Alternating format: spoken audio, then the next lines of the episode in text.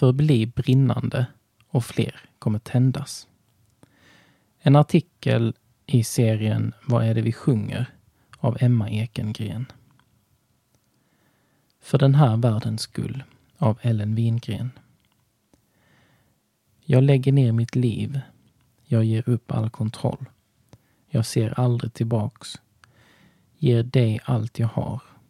Jag lever för din ära på vår jord. Den längtan som du ger, den växer inom mig. En dag ska alla se och böja sig för dig.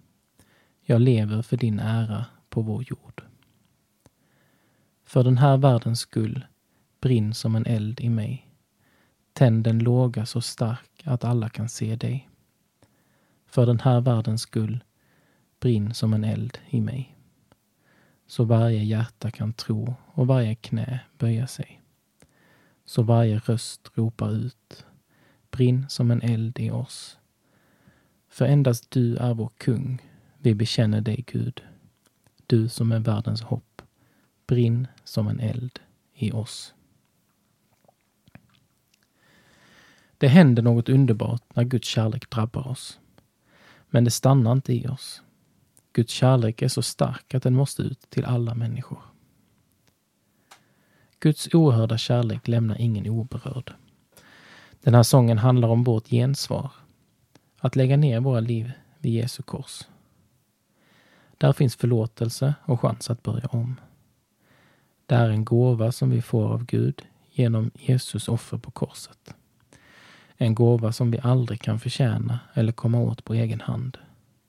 En gåva av oändlig nåd och kärlek. Och det är först när vi tar emot gåvan som vi kan lämna över kontrollen till Gud. Det kan kännas läskigt och svårt, men glöm inte att du aldrig är ensam. Gud överger dig aldrig om du valt att följa honom. Inte ska väl jag. I Efesierbrevet 3.20 står det att Gud kan göra långt mycket mer än allt vi ber om eller tänker oss genom den kraft som verkar i oss. Det kan vara lätt att tänka, men vem är jag? Vad har jag att erbjuda? Fastna inte där.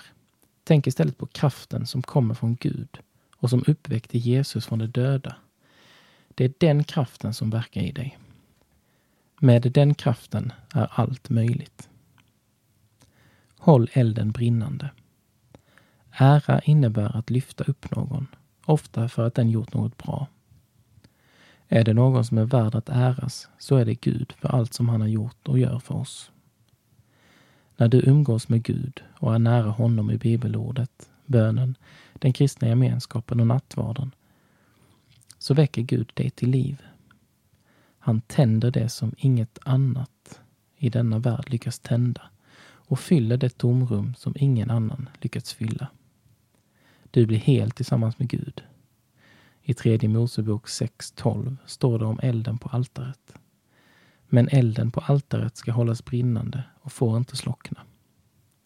Detta upprepas redan i nästa vers för att förstärka hur viktigt det är. Detsamma gäller för elden inom oss, som Gud tänt genom den heliga Ande. Men hur gör man för att hålla en eld brinnande? Jo, man matar den med ved och syre. Vår ved är nattvarden och Bibeln. Vårt syre är gemenskapen och bönen. Matar vi oss själva med detta så kommer vår eld att hållas brinnande, öka i styrka och intensitet och sprida sig.